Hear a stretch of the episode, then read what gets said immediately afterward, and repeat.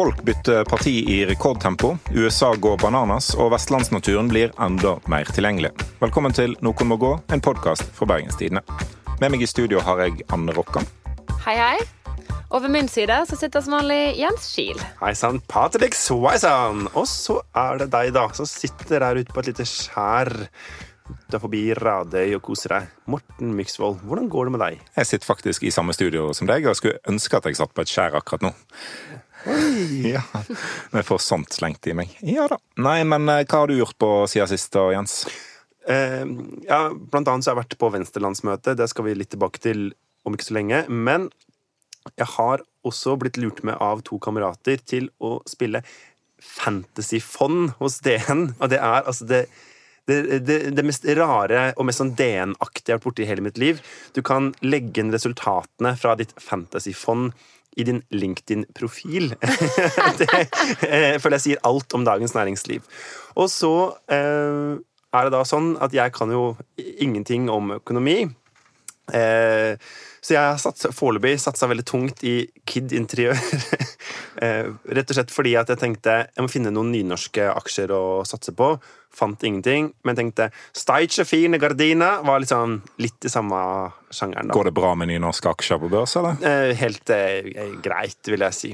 Men dette er jo da eh, en slags start for min del innafor eh, økonomiens sfære. Så jeg tenker at det det går, ja, det går, som det burde gå. Men denne kompetansen får du bruk for allerede neste uke, Jens? Allerede neste uke, fordi da er de ordna det så viselig at de legger frem statsbudsjettet en uke etter at jeg har fått øvd meg på økonomi. så det syns jeg var koselig gjort av Jan Tore Sanner. Så da er jeg i Oslo, og da blir det spesialpod på onsdagen. En hel pod hvor vi bare skal nerde om eh, statsbudsjettet og hva det betyr for eh, vestlendingene. Du er jo den av oss, Anne, som kan noe om eh, penger. Ja. Eh, å si penger og pungshot, som dere jobber penger med ute på NHH. Min kjernekompetanse. ja.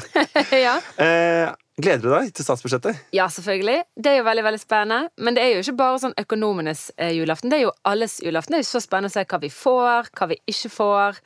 Det blir bare så gøy. Kanskje skjønner at ikke alle venter i fryd og spenning på statsbudsjettet. Alle gir jo det.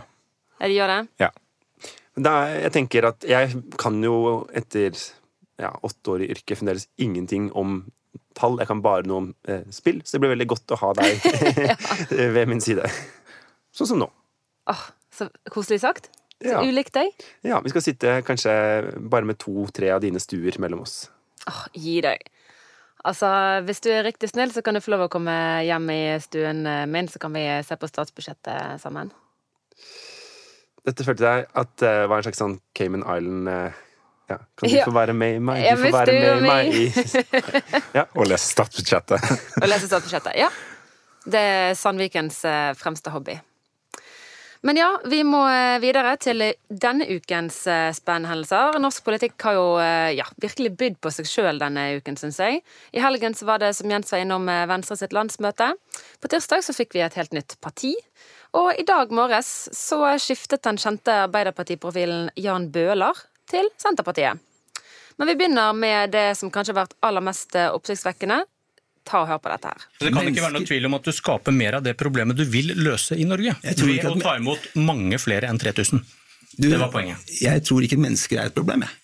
Jeg tror at måten vi håndterer mennesker på, er problemet. Og det er der vi kommer inn, og det er der vår politikk eh, for meg er, er det viktigste. Så mennesker, flyktninger og asylsøkere er ikke noe problem. Det er måten vi møter dem på.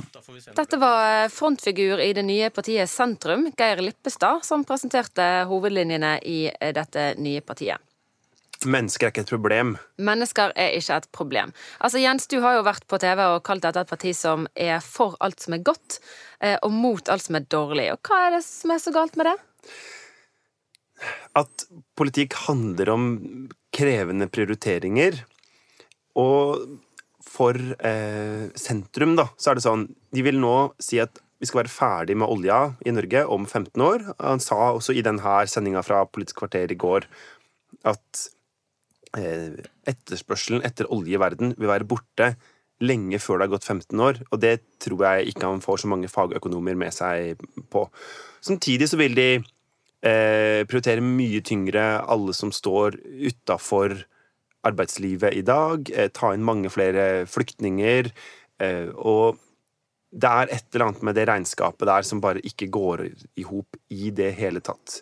Så jeg er litt sånn spent på hvordan mottagelsen blir ute blant eh, velgerne. Men det er jo noe med at altså En ting jeg har hørt mange ganger, er at alle partier har jo noe bra. Så hvis en bare kunne tatt det beste fra hvert parti, tatt det beste fra Frp og beste fra SV og beste fra Senterpartiet og osv., og, eh, og så bare satt det sammen i ei pakke, eh, så hadde det blitt veldig bra. Og det, det er jo det inntrykket jeg får av sentrum, da, er at de skal liksom ta litt av det beste fra alt. Eh, og så Kanskje ikke så masse fra høyresida, egentlig. Og så skal det liksom være bra. Så det er kanskje noen som vil synes at dette partiet har noe for seg. Ja da, men, men, altså... men det henger jo ikke sammen. Nei, men når de sier sånn at FNs bærekraftsmål skal være på en måte en sånn rettesnor, så det er jo ingen som er uenig i eh, en bedre verden. Men det er vel ikke altså som Jens sier, det er ikke Jo da, det fins folk som ikke vil ha en bedre verden. Jo, men sånn folk skal ha drikkevann og, og, og liksom utdannelse. Det blir jo kalt globalister av Frp, så de er jo uenig i FNs bærekraftsmål. Men jeg tenker jo at det du skal beskrive, Morten, det er jo rett og slett det vi kaller for Stortinget. At ja. partiene kommer sammen, og så eh, prøver man å finne løsninger på tvers.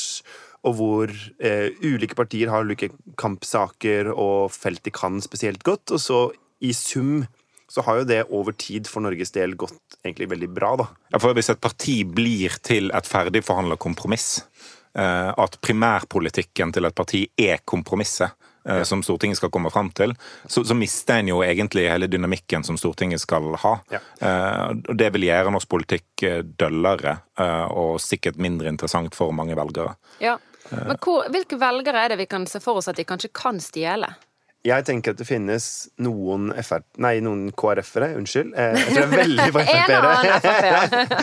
som er litt deppa over hvordan det partiet nå prioriterer en del av de her kristenkonservative kampsakene veldig høyt.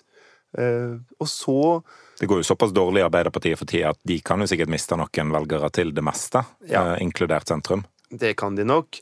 Men jeg tror i sum så virker det for meg som det er veldig få som vil ha verdistolper og mennesker må bygge, bygge broer, ikke murer, og sånn, heller enn konkrete kampsaker. Mm. Altså De partiene som har dukka opp og fått suksess, har jo nettopp handla om at man har klart å finne et rom for politikken sin. Eh, altså klimapolitikken som var svikta av Frp Nei, av, eh, nå sier jeg det hele tida. Eh, av SV og Venstre. Da kunne MDG eh, dukke opp, for eksempel. Mm. Mens nå er det litt sånn en litt sånn løst definert verdidimensjon som jeg ikke tror at er så lett å mobilisere på, da.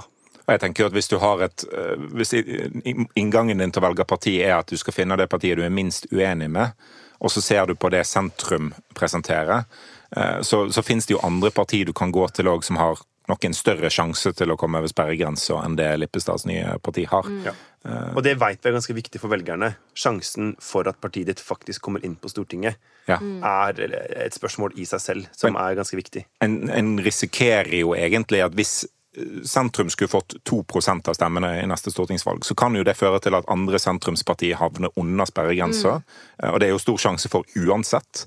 Eh, da kan jo sentrum eh, som konsept bli svekka av sentrum som parti. Ja. Og da får jo på en måte Arbeiderpartiet, Høyre, Frp, SV de får da mer makt enn det velgerne egentlig ville gi dem, fordi at sentrumspartiene er så, så splitta. Mm. Ja, så jeg fikk um, litt sånn flashback fra denne TV-serien Borgen. Uh, der hun tidligere statsministeren Birgitte Nyborg starter et uh, nytt parti når hun ikke liksom får komme inn igjen i sitt eget parti. og da eller fikk en maktposisjon der. Og da måtte de jo de gjennom en sånn renselsesprosess. Da. Det var masse ivrige folk som sluttet seg til, og kom med masse gode, velmenende saksideer. Og til slutt måtte de ha en sånn sette foten ned og, og skjerne ut noen faktiske saker. Og det var ikke plass til alle i det partiet likevel. sant?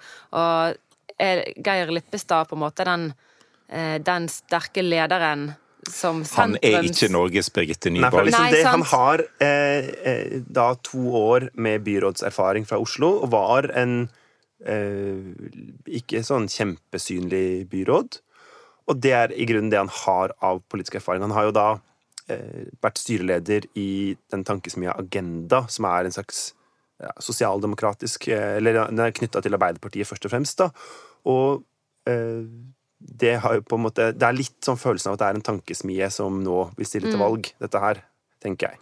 Altså, min tro på partiet Sentrum er vel litt som min tro på den siste sesongen av, av Borgen. Jeg fullførte ikke den, fordi det var, var for fælt å se på. ja. det, det, å prøve å starte opp det partiet der, det, det var veldig selsomt å se. Og de der idédugnadene de hadde, der alt godt skulle inn i det mm. partiprogrammet, og Birgitte Nyborg som bare eh, prøvde å si til alle disse engasjerte folkene at her må vi faktisk kutte og prioritere. Du må se ferdig. Herregud, så bra slutten her. Oh. Ja, det er... Og det kommer en sesong fire. Gjør det? Ja. De skal spille inn. Mm, det kom nyhet om det tidligere i år. Men jeg er så, ja, alltid redd når serier skal dra det så langt. Ja. Men ja, eh, apropos si, dra det langt. Eh, det er flere som har eh, skiftet eh, parti denne uken. Eh, eller akkurat nå. Hva er det som akkurat har skjedd? Jan Bøhler. Blitt Senterpartiet-politiker? Han går rett og slett hen og blir førstekandidat for eh, Senterpartiet. Og det er jo Har Senterpartiet hatt en førstekandidat i Oslo før? Ja, ja, ja. Massevis. Det var en vits, Jens! Herregud! De har jo til og med kommet inn på Stortinget, eh, men det har jo stort sett vært med eh, bygdefolk da, som har stått på førsteplassen der. Men jeg tenker at de har en Det er kjempe, kjempe, kjemperart, dette det som skjer. Altså at etter at Arbeiderpartiet har gitt Jan Bøhler alle muligheter i 30 år, så nå var det litt skumling om at han kanskje ville få en motkandidat.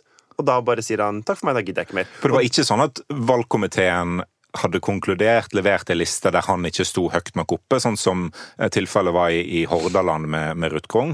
Eh, det var bare snakk om at noen ikke ville ha han på Stortinget. Ja. Og da trakk han seg fra lista.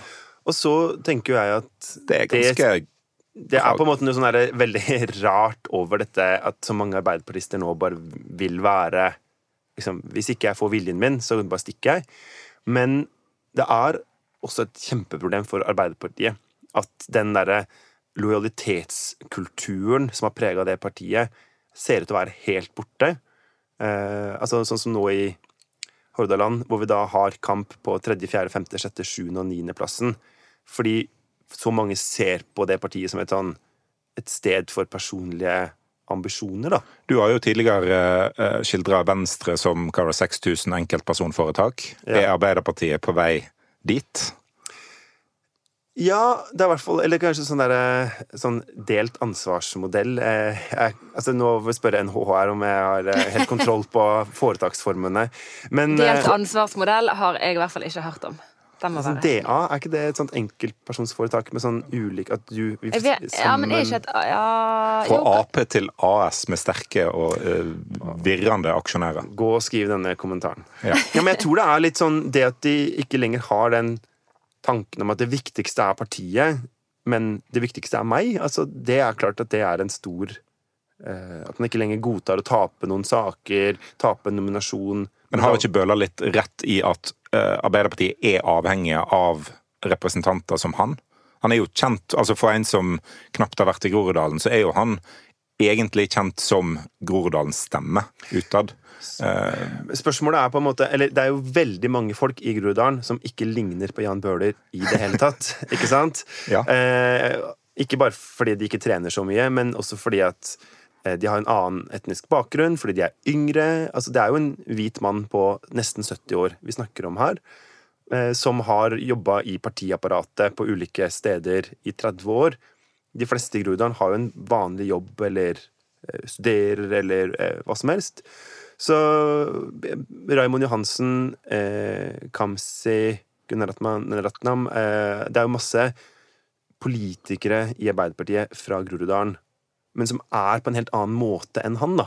Han er jo òg kjent for å være veldig restriktiv i ruspolitikken eh, og, og knytte det opp mot kriminaliteten i Oslo. Der, der har han jo gått litt på akkord med eh, hva mange i Groruddalen mener kan være løsningen på, på gjengproblemer. Mm. Og så ser vi jo nå jeg er jo liksom spent på hvordan dette kommer til å gå framover. Fordi Andreas Halse, som er en av de sentrale eh, stort, nei, byråds, bystyrepolitikerne til Arbeiderpartiet i Oslo, går jo nå knallhardt ut på Twitter og sier han har ikke møtt på et eneste møte med stortingsbenken på årevis. Han tar aldri telefonen når vi ringer. Han er ikke interessert i partiet. Har kalt han 'jævla selvopptatte sviker' på Twitter. Intet Ja. mindre.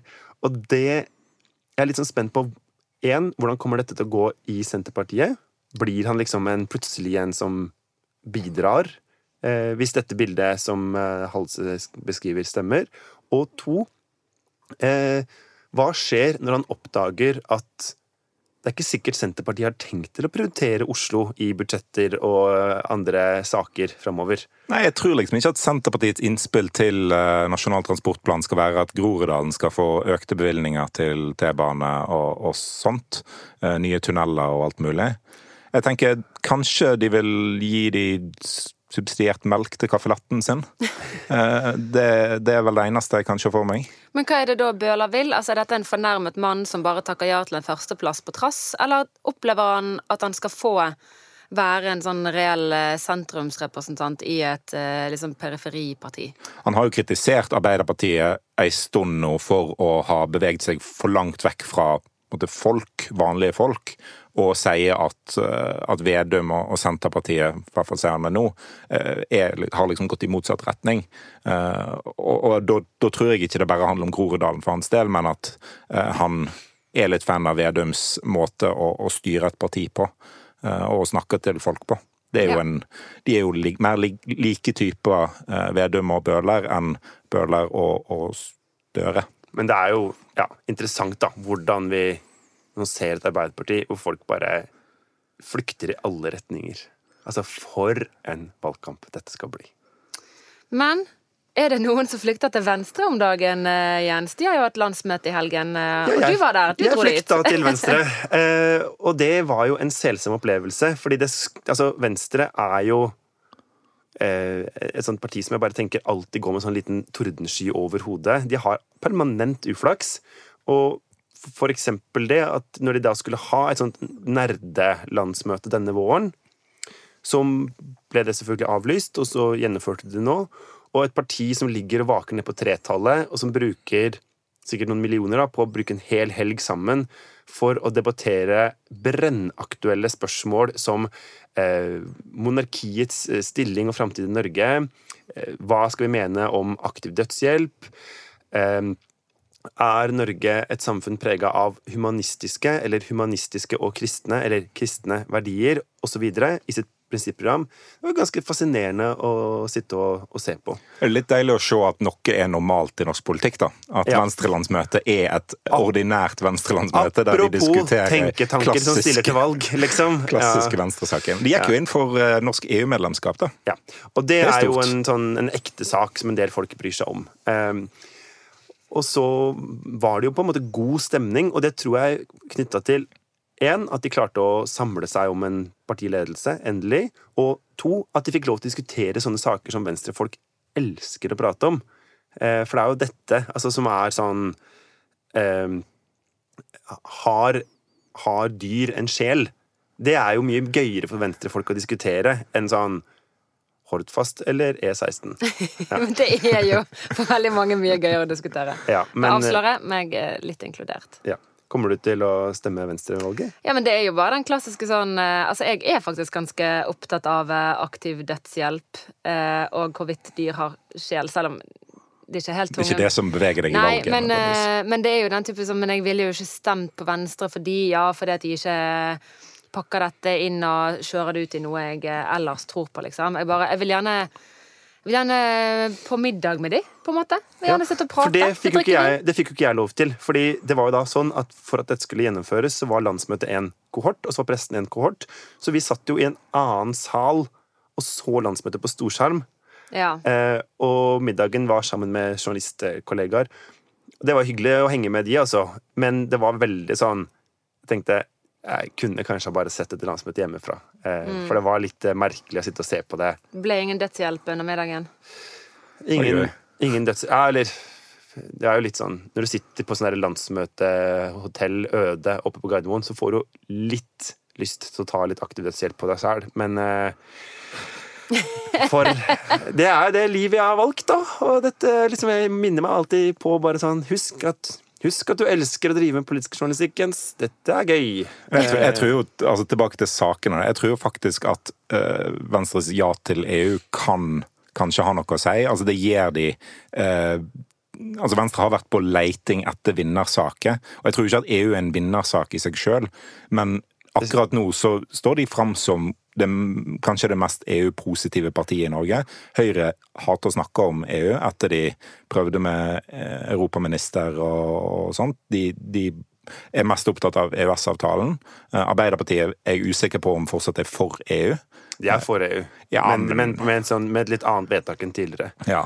Og så har du MDG, da, som egentlig har vært Venstres store konkurrent på dette her. Og de er jo veldig sånn et veldig tydelig europapositivt parti. Ja. Så, men jeg er enig med deg i det, at det staker jo litt ut en kurs for uh, Venstre. Også, og, og, Venstre får òg Senterparti-reaksjon. Vedum var jo raskt ute med å si at Venstre er ikke opptatt av ting som vanlige folk er opptatt av, selv om vel et flertall av Norge, hvis du skal telle med deg Høyre og Arbeiderpartiet som ja-parti, noe en, en, bør gjøre, så, så, stemmer jo et flertall av velgerne i Norge på et, et ja-parti. Ja, men flertallet i Norge stemmer jo på et ja-parti fordi at de partiene ikke snakker om EU. Altså ja. Flertallet i Norge er jo veldig tydelig mot eh, norsk EU-medlemskap. Men de får i hvert fall en, en konflikt der med Senterpartiet som, som, de kan tjene på. Det, å, det så vi jo i lokalvalgkampen her i, i, eh, Bergen i fjor, at det å være veldig for bompenger når eh, bompengelista føyk oppover, det var noe som Miljøpartiet De Grønne tjente på.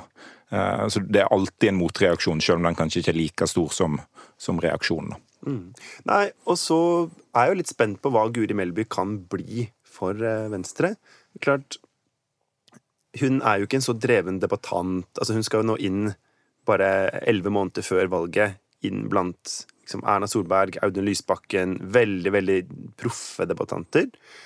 Samtidig så tenkte jeg at hun har jo noe liksom menneskelig ved seg. Og jeg må si, altså, når man snakker om folkelige politikere, så er det litt sånn eh, Definisjonen av folkelig politiker nå, det er eh, at du drikker deg drita før halv tre på ettermiddagen, hopper opp på bordet, flekker ræv og synger med til bjelleklang. Altså, det sånn, det blir en sånn parodi på folkelig. Mens jeg tenker kanskje mer at det de fleste mennesker er, er jo vanlige eller hverdagslige eller et eller annet sånt noe. Og hun har noe litt sånn normalt og menneskelig over seg. Og det at hun f.eks. kan skolepolitikk veldig godt, har jobba på lærerutdanninga, har vært lærer, mm. Eh, og kanskje kan få opp en debatt i Norge om skolens innhold. Ikke bare om sånn ja eller nei til privatskoler, men om hva vil vi at elevene skal lære, hvordan skal det være på skolen? og sånn. Mm. Det bryr jo ganske mange mennesker i Norge seg om. Så det, og det snakka hun ganske mye om i sin tale til landsmøtet, om eh, ja, hva prioriterer vi av fag, hvordan kan SFO være, sånne ting.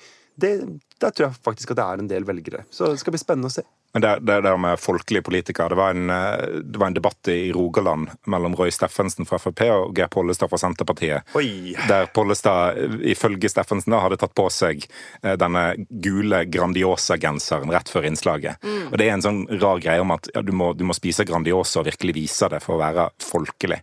Eh, det er litt sånn, litt sånn rart, hele den der hvor krampaktig folk skal være for å, å, vise at de er som vanlige folk, der de sitter på Stortinget og spiser subsidiert mat og tjener veldig, veldig godt. Ja, akkurat nå føler jeg folkelig er sånn Det er f.eks. mer folkelig å være eh, for oljesubsidier, eller subsidier til oljenæringa. Ikke sant? Og det er sånn hvor kom det fra? Eller det er liksom er vanskelig å følge de resonnementene. Ja. Skjalg Fjellhelm kom det fra? Ja, antageligvis. Vi skal over til vår faste spalte og Amerika. Hvor Morten Myksvold tar oss med litt rundt forbi på dette merkelige kontinentet, hvor de skal ha et eh, valg denne høsten. Og Morten, hvor skal du ta oss med i dag? Vi skal egentlig en dag tilbake igjen i tid, og så skal vi til Ohio. Der... Vi reiser både i tid og rom. Ja, eh, det må vi tillate oss i et eh, moderne lydformat. Vi skal til Ohio, der Donald Trump og Joe Biden møttes til debatt, den første presidentdebatten natt til onsdag. Hør litt på dette. Stand back and stand by, but I'll tell you what, I'll tell you what. Somebody's got to do something about Antifa and the left. Det var altså eh, Donald Trump som på spørsmål om han eh, hadde lyst til å ta litt avstand fra sånn høyreekstreme grupperinger som Proud Boys, for eksempel, så svarte han 'stand down, stand by' som ikke akkurat er en fordømmelse. Det tok Proud Boys og brukte som slagord, mm. sånn umiddelbart, i en del sånn høyreradikale internettkanaler. T-skjorter har jeg fått med meg. Ja. og så gikk han videre til å angripe venstresida og Antifa. Ja. Så det, har jo blitt den store snakkisen etter, etter, debatten. Først var det veldig masse fokus på alle disse avbrytelsene og at det var fullstendig kaos. Og så eh, har vi snakka litt mer om eh, Trumps eh, ja, fascisme. Men mm. eh, ja, jeg, jeg er fremdeles overraska over at ikke Proud Boys er en eller annen form for homogruppering, men eh, mer det motsatte. Men altså Et av de spørsmåla som eh, har fått veldig mye oppmerksomhet, har vært alle de avbrytelsene. Var det fordi Trump er kjempeslitsom, eller er det fordi ordstyreren ikke gjorde jobben sin, eller hva skjedde egentlig? Ordstyreren gjorde egentlig så godt han kunne. Jeg tror ikke en annen ordstyrer hadde klart det bedre. Den eneste måten å virkelig hindre Trump i å snakke på, er å plassere de i lydtette bokser, og så kontrollere mikrofonen. Ja, Men hvorfor uh, gjør de ikke det? Eller bare får inn Sigrid Sollund. Ja, ja det, det, kunne kanskje ha fungert. Eh, jeg har sett òg noen som har eh, vitsa med at de burde fått inn John Burko, som var speaker i parlamentet i Storbritannia. Han kunne kanskje fått Trump til å holde litt kjeft, som Biden sa til han i løpet av debatten. Biden sa òg at Trump var en klovn, og prøvde å beklage det umiddelbart.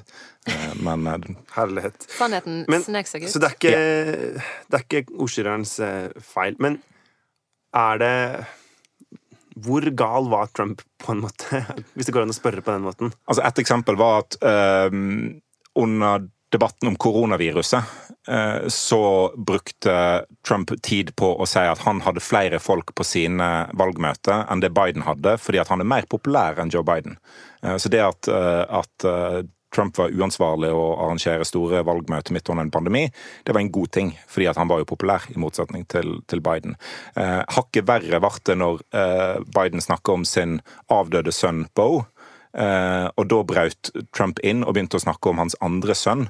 Eh, og disse korrupsjonsanklagene i Ukraina som han har blitt beskyldt for, som eh, de aller, aller fleste, demokrater og republikanere, sier bare oppspinn.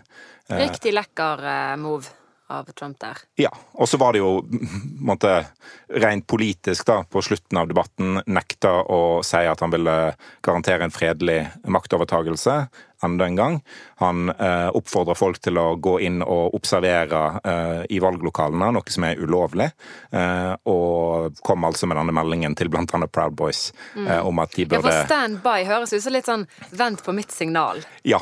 Det er akkurat det det betyr. Og han omtalte de òg på en måte som gjorde at disse gruppene var nødvendige for å hjelpe politiet i å takle vold fra venstresida. Ja, som borgerverngrupper som bør Ja, og USA har jo en, en grunnlov som baserer seg litt på um, at uh, væpna uh, grupperinger skal kunne eksistere.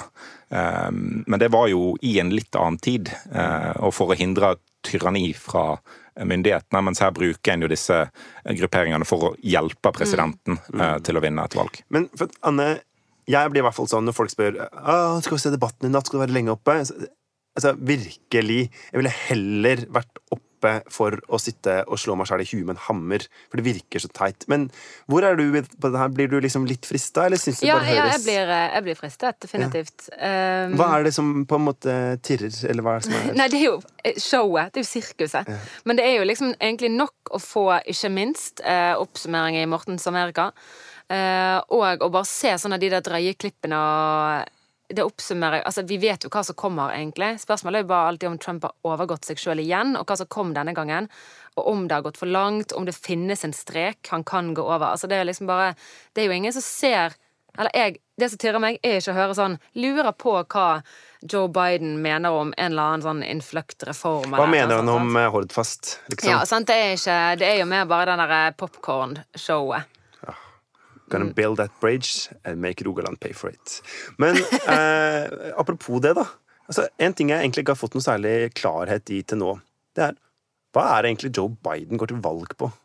Det har blitt mer og mer eh, helsepolitikk. Eh, ikke den veldig radikale helsepolitikken som, som Bernie Sanders eh, gikk til valg på, men, men, en utvidelse av Obamacare, som han var med å, å innføre i, i sin tid. Eh, så altså en slags form for grunnleggende helserettigheter til flere, eller helseforsikring til flere? Ja, det er noen og 20 millioner som får sin helseforsikring via Obamacare. Eh, og han må nok bruke mer krefter på å redde stumpene av den helsepakka enn å utvide den hvis, eh, hvis han får makt, pga. at Høyesterett kan ende opp med å, å, å klubbe den ned. Um, det er nok blitt den, den viktigste saken. Eh, ellers er han veldig opptatt av å egentlig profilere seg sjøl som eh, empatisk og, og, omsorgsfull, og bruke historiene med egentlig hans avdøde sønn og, og, måten han møtte helsevesenet på. Men Hva er det med denne avdøde sønnen? Uh, han uh, fikk kreft uh, og, og, døde av det. Okay. Og, og han bruke det til å si at, at, helsepolitikk er personlig for meg. Eh, helsepolitikk er ikke eh, bare eh, nasjonal politikk som skal henge sammen, det, det er personlig for folk. Og bruke det veldig Eh, opp mot pandemien at du kan ikke begynne å frata folk helseforsikringen eh, i pandemien. Og de aller fleste amerikanere har jo helseforsikring knyttet til arbeidsplassen sin. Mm. Og det er jo noen ting som ikke går så veldig bra ja. Eh, i USA akkurat nå, og det er jo arbeidsplasser. Så flere kan stå uten helseforsikring midt under en pandemi, og da blir jo sånne ting som, som Obamacare viktigere. Altså jeg, er, jeg blir så glad for at vi har Jonas og Erna og Trygve og gjengen å velge mellom. Altså bare sånn Selv når de er på sitt rareste, eller dummer seg ut, eller surrer det til, så er det liksom Det er så mye bedre enn det greiene her. Altså sånn Stem på meg fordi at jeg er en uh, bra forretningsmann. Nei, det er det egentlig ikke. Eller stem på meg fordi sønnen min døde av kreft, og derfor så skjønner jeg noe om helsepolitikk. Altså Det er så rare ting, liksom. Men har en sett uh, Trumps uh, um sett Trumps debatt, og han var statsleder i Bulgaria, så hadde en jo eh, liksom lurt virkelig på hvordan det landet faktisk fungerer. Mm. Eh, men så er det egentlig bare verdens mektigste land og atommakt eh, som har en president som ikke klarer å holde kjeft i ja, to minutter. Det er kult. Men en ting jeg ikke skjønner, er hvorfor vi fortsatt, liksom, eller hvorfor motstandere til Trump fortsetter å debattere med han i sånne tradisjonelle formater og forventer en liksom, noen som helst normal oppførsel. Altså, de burde jo hatt sånn Satt de inn i sånn eh, eh, rom med masse sånne små plastballer eller sånne store sånne eh, bomullsverktøy og sånn, og latt de sånn denge løs på hverandre som sånn barnehage. Polstret opplegg, liksom. Og så hatt sånn, sånn ropt, ja, så ropt spørsmål inn eh, der mens de liksom lå og sånn veltet over hverandre. For dette går jo ikke an å forvente altså, er vi helt, hvem er det, som ikke, det er jo vi som ikke er lærer, eller de da, som ikke er lærer. Hva er det de, hva de tror de skal få? Men det er jo eneste delen av amerikansk politikk som funker litt sånn kompromissvennlig akkurat nå, er jo å arrangere debatter. Der blir de enige om et format. De blir enige om noen regler, og så klarer jo ikke kandidatene å følge de reglene. Nei. Så det er jo snakk om å, om å endre reglene nå til, til de to neste debattene. Og så er det en del demokrater som snakker om at en egentlig bare bør droppe de. Eh, ja. Og det var ikke store seertall på denne debatten her. Eh, og de aller aller fleste mener at de ikke fikk noe ut av den. Ja. Og de aller aller fleste i dette valget har bestemt seg eh, for hvem de vil stemme på, ifølge en del målinger. Fordi Hvis vi da skal stille det spørsmålet som vi vel prøver å spille, stille hver gang, litt til slutt, hvordan rigger den? Biden leder fortsatt. Han har overtatt ledelsen i bl.a. Ohio. Mista litt ledelsen i Florida og, og, og Arizona, eh, så det har jevna seg litt ut. Men Trump måtte komme på offensiven i denne, valg, eh, i denne, valgdebatten her. Han brukte hele debatten på å bare prøve å ødelegge og være defensiv, så jeg tror ikke han tjente noe på selve debatten. Men han tapte òg, ifølge eh, måling av eksperter, debatten mot Hillary Clinton i 2016. Eh, et tegn på at kanskje ikke debattene er så utrolig viktige. Vi skal videre til eh, vår faste spalte og Vestland. Hvor har du eh, tenkt å reise i dag, Jens? I dag så skal vi faktisk til Ohio. Nei, jeg bare tuller med deg. Vi skal til LOL. Jeg prøver litt morsom, da. Ja. Vi skal til Noregs Ohio. vi skal til Noregs Ohio, nemlig Eidfjord kommune i Hardanger. Nærmere bestemt eh, Vøringsfossen. Fordi nå har vi da fått en slags eh, bro over det ene juvet ved Vøringsfossen, så du kunne se den på en måte enda mm, på en annen måte enn før, da. Og så kom denne uka Stein P. Aasheim, som er en slags um, ja, fjellguru eller legende i Norge. Klatrer og forfatter og sånn. Med en kronikk som han skrev om på en måte det tivoliet vi er i ferd med å bygge i fjellheimen, sånn som han eh, ser det, da. Og vi har jo vært innom litt dette før eh, i Noen må gå, med sånne gondolbaner og skylifter og sånt noe som tar Vestlandet. Eh, og nå, denne debatten som nå har rulla opp, som jeg hadde lyst til å stille, eller ta litt opp med dere, hvordan vi nå gjør om på en måte flere av de naturattraksjonene, altså type å gå i fjell eller se en foss fra en bergkant, til mer sånne kulturattraksjoner, altså med installasjoner, med broer, med eh, sånne skjerpa trapper, alt sånt noe. Og hva er egentlig den mest eh, vestlandske måten å være Vestlandet på? Altså uberørt og nakent, eller eh, mer eh, tilrettelagt og turistifisert? Eh, Anne, hvor er du? Nei, altså jeg er jo helt for eh, Jeg tenker at det, det mest vestlandske er det urørte, ville. Litt sånn derre Skal ikke være lett å komme seg frem. Skal være tungt å gå til fjells, og det koster litt. Men jeg er nok ikke like sånn eh, rasende over eksempel den Vøringsfossbroen. Eh, jeg syns jo den ble ganske fin, og altså jeg har på en måte skiftet litt standpunkt her. For, det, for i fjor sommer, var det vel, så her i Bergen så pusset de opp det som heter Permisjonsstien. Som var en sånn eh, sti opp til Sandviksbatteriet. Veldig sånn eh, kjent og mye brukt turområde. Og så hadde de lagd en sånn skjerpa trapp, den siste delen opp der, da, for å liksom gjøre den mer tilgjengelig og, og sånn. Og jeg går der mye sjøl og syns det var veldig synd altså Først og stengte de den i lang lang tid for å bygge den trappen, men vi var liksom mange som var litt sånn «Ah, det skal, skal krype opp den knausen, og det er nå litt rotete i det steinbruddet på toppen der. Eh, men så eh, når de hadde laget den trappen, så var det så mange som var sånn Takk, tusen takk. Jeg har savnet å gå på, på batteriet, liksom. Nå gjør Jeg jeg kan komme frem selv om jeg er blitt gammel og dårlig til bein, så det å få oppleve naturen på denne måten og mm. eh, bla, bla. Så jeg ble litt sånn Jeg merket at min, mitt eh, suge etter sånn helt vill natur var kanskje litt arrogant, for dette er jo fortsatt ekstremt mange stier både på byfjellene og på Vestlandet og i hele Norge som er helt vill og uberørt, og med litt innsats så kommer man seg dit. Og at en og annen eh, rullestolbruker nå kan stå i juvet over uh, Vøringsfossen og, og, virkelig oppleve den uh, følelsen der, sånn som jeg kunne også før, det Jeg ble ikke så rasende som jeg ville blitt i fjor, på en ja. måte. For, men for, kanskje er det litt det du sier også, da, med at hva er grunnen til at du må oppleve uberørt natur Eh, i Sandviken eller ved Vøringsfossen, hvor det har stått et svært hotell i 100 år. Ja. Altså, det er jo noe med det. Du da, Morten? Jeg er jo stort sett for å bygge bruer over ting. Uh, I utgangspunktet er jeg er ikke enig i at Vestlandet skal være helt uh, uberørt. og sånt. Vi skal komme oss rundt og vi skal uh, få nytte ut av alt som skjer her. viktig å komme seg fram og ikke så vente på fergene. Men den brua over Vøringsfossen syns jeg er litt unødvendig. Jeg syns den tar litt Eh, av eh, det, det, er ikke sånn at Vøringsfossen er eh, svekk eller det er en svak turistattraksjon i utgangspunktet. Den blir godt besøkt. Som, som han skrev i det ytringinnlegget, så prøver de å nå markedsføre Vøringsfossen som, uh, som en slags uh, um, Bilismens trolltunga? Ja. Men det er mange flere som ser Vøringsfossen enn Trolltunga.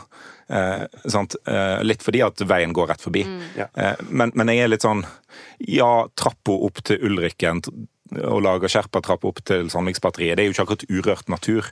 Men det er jo, det er jo liksom det er rett før det dukker opp USB-ladestasjoner på, på T-merka stier rundt om.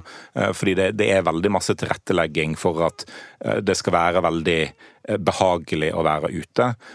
Og det er en sånn rar holdning til uberørt natur der ute. Når vi snakker om vindkraft, så skal naturen være uberørt. Når vi snakker om eh, hyttebygging, så skal vi helst bygge ned så masse som mulig. Eh, fordi vi må jo ha en plass å plassere hyttene våre. Vi må jo ha en plass å, å være i påsken. Vi må jo kunne se ut på den urørte naturen fra noe. Som ikke er urørt lenger, når du har bygd et stort hyttefelt der. Eh, vi snakker om vannkraft nå, og utvidelse av vannkraft i stedet for vindkraft som, som, bra, men vi legger jo veldig masse mer natur under vann. Men da ser vi jo den ikke. Og vi fjerner de store fossene som vi ellers er glad i. Altså, ja. Vøringsfossen er jo eh, i dag eh, tungt regulert, egentlig. Ja. Um, Og det er en bra ting, eh, egentlig. Eh, Vann som renner som ikke renner i rør, renner litt forgjeves, syns jeg. Så, så, så det er jo greit, å, det er jo greit å bruke den, eh, de kreftene vi har rundt oss.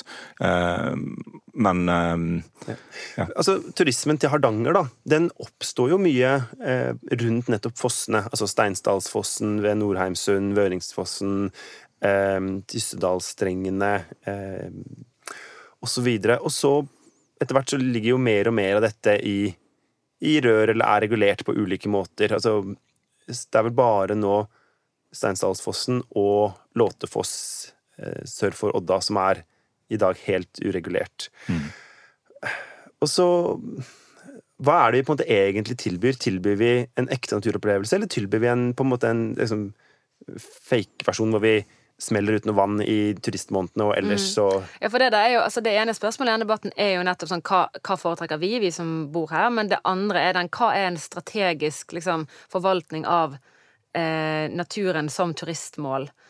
Men det, sørgelig, men sant, altså det er jo eh, selv når folk har, for eksempel her i Bergen, de har valget mellom å gå opp Fløyen eller å ta banen, så ser vi jo alle hva som skjer. Det er jo eh, mildt sagt godt belegg på Fløibanen. på en måte. Folk liker jo det enkle. Ikke alle turister som kommer hit, er vestlendinger, sant? Eh, de fleste er ikke. Men de kan bli det. De kan bli det. Men eh, nei, altså, jeg har jo liksom inntrykk av at folk liker den derre De har gjerne tett program og kanskje går rundt og traller uti der. Det er liksom, og de som ønsker det, de finner det. Det er litt sånn som Lofoten, for eksempel, som er et område jeg har mye familie fra. Eh, der er det jo, Jeg har vært der mye gjennom hele oppveksten, og nå er det jo blitt mer og mer turister der. Og du går jo virkelig i kø opp enkelte av de mest populære fjellene. Og de har også fått sherpatrapper på et fjell. Det er jo helt, altså det er jo sorgen i mine øyne. Men det er jo enormt mange fjell. Det er jo dritlett. Altså, Jeg går aldri i kø når jeg er i Lofoten. Hvis noen vil ha tips håper jeg, Nei, dere får ikke tips til urørte fjell. Det er bare å se dere rundt, og så gå etter de andre. Det er en sti opp til nesten alle fjell. Det er ikke det er fullt mulig å komme rundt de her turistgreiene, samtidig som hvis folk absolutt vil liksom se akkurat det de allerede har sett på, i brosjyren, så eh, la de, for min del. Men, for jeg må jo si da at eh, når jeg er i utlandet, så har jeg eh, Jeg er en enkel sjel på de her tinga. Altså, når jeg er i Paris, så har jeg lyst til å se Eiffeltårnet, og det plager meg egentlig ikke så veldig mye at det er masse andre turister der samtidig.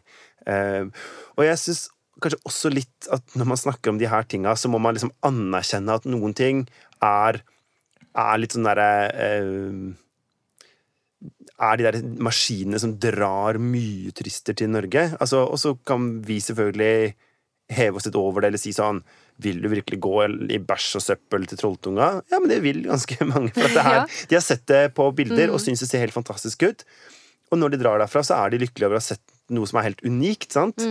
for dem. Eh, og så kan vi si ja, vi kan gå på en annen eh, topp eller en annen klippe eller ja. Det er jo det som er fint, at du kan gå veldig mange ulike plasser. Vi, vi kan tilpasse plasser som Vøringsfossen for turistene, og så har vi andre plasser vi kan gå mm. som ikke er liksom postkort. Men Vestlandet skal jo ikke være et postkort heller, det skal være en plass vi lever. Eh, og så tilpasser vi noen eh, av, eh, av eh, plassene våre for turistene. Og sånn sett kan jo bru være grei, så lenge vi får ha andre områder mer i Og den er jo utformet eh, sannsynligvis så flott en sånn bro kan bli, da, uten å på en måte ødelegge det visuelle altfor mye. Altså, en bro over et juv er jo uansett på en måte Det hva skal jeg si, domestiserer, er det det det heter? Jo, på en måte vill natur ganske Vi legger den jo bokstavelig talt under oss, men samtidig tenk da for turister å tenke sånn åh, tenk å stå over det juvet i liksom Med det suget i magen og, og dampen bare slår Altså, det er jo liksom det er jo ikke Man kan jo se for seg at det var et veldig smart turistgrep for å få enda flere dit. Så da lander vi på at vi, vi godtar eh, dette. Vi godtar det, men den kan godt eh, skjerpe seg med de trappene rundt om. De trenger, ikke, de trenger ikke fyre opp alle Der- fjellsider. Jeg var redd for at vi skulle gå gjennom hele episoden uten en veldig dum pappavits, men da fikk vi den helt på tampen der. Ja. Før vi avslutter, er det noen som må gå denne uka? Ja, kanskje de som lanserer bilismens trolltunga som en slags sånn Det er en drøm. Det tror jeg vi Ja. kan det, Der kan vi Jobbe kan, litt med formuleringen. Ja. Det er kanskje ikke den framtida vi vil ha. ja. Og så tenker jeg Det må jo være noen flere Arbeiderpartipolitikere som kan gå. Det er det alltid. Det må jo Ja. være noen forsmådde menn eh, som har Ja. passert 50. Altså, jeg liker også, Det var vel enten i går kveld eller i dag morges at Trond Giske la ut bilde på Facebook. av sånn min venn Jan Bøhler kommer til Trondheim, og jeg skal bokbade han og hans nye bok eh, 'Østkantfolk'. Det gleder jeg meg masse til. Og i dag melder han seg ut av partiet og inn i Senterpartiet. Jeg var litt sånn, Var det dette Trond Giske trengte? Altså, Trond Giske har nok sikkert noen ting han kan snakke med Jan Bøhler om, eh, der de er kritiske til Ap-ledelsen. Så Ja. de finner sikkert noe. Stakkar Giske. Så, altså, Ap har vært så stygg med han. Og måten de har behandlet han på. At ikke han går. Ja. Ja. Men hva med han derre Trump? Jeg, får har fått litt sånn dårlig inntrykk av han. jeg. ja, kanskje han må gå? Kanskje han må gå. Ja. Vi slipper i hvert fall å gå, for busstreiken er over. Ja. Jippi! Ja. Innspill og tilbakemeldinger til oss sendes til nmg.bt.no eller i Facebook-gruppa Noe må gå. Vi kommer med en ny episode neste onsdag denne gangen. Oi! Intromusikk var bergensere av Bjørn Torske. Produsent var Henrik Svanevik. Du finner oss i BT Lytt-appen eller hvor enn du finner podkaster på internett. Ha det bra. Ha det, Albert Sveisan.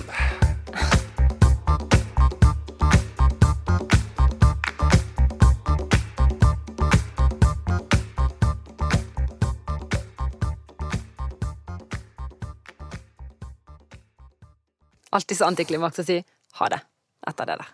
Drit i det der.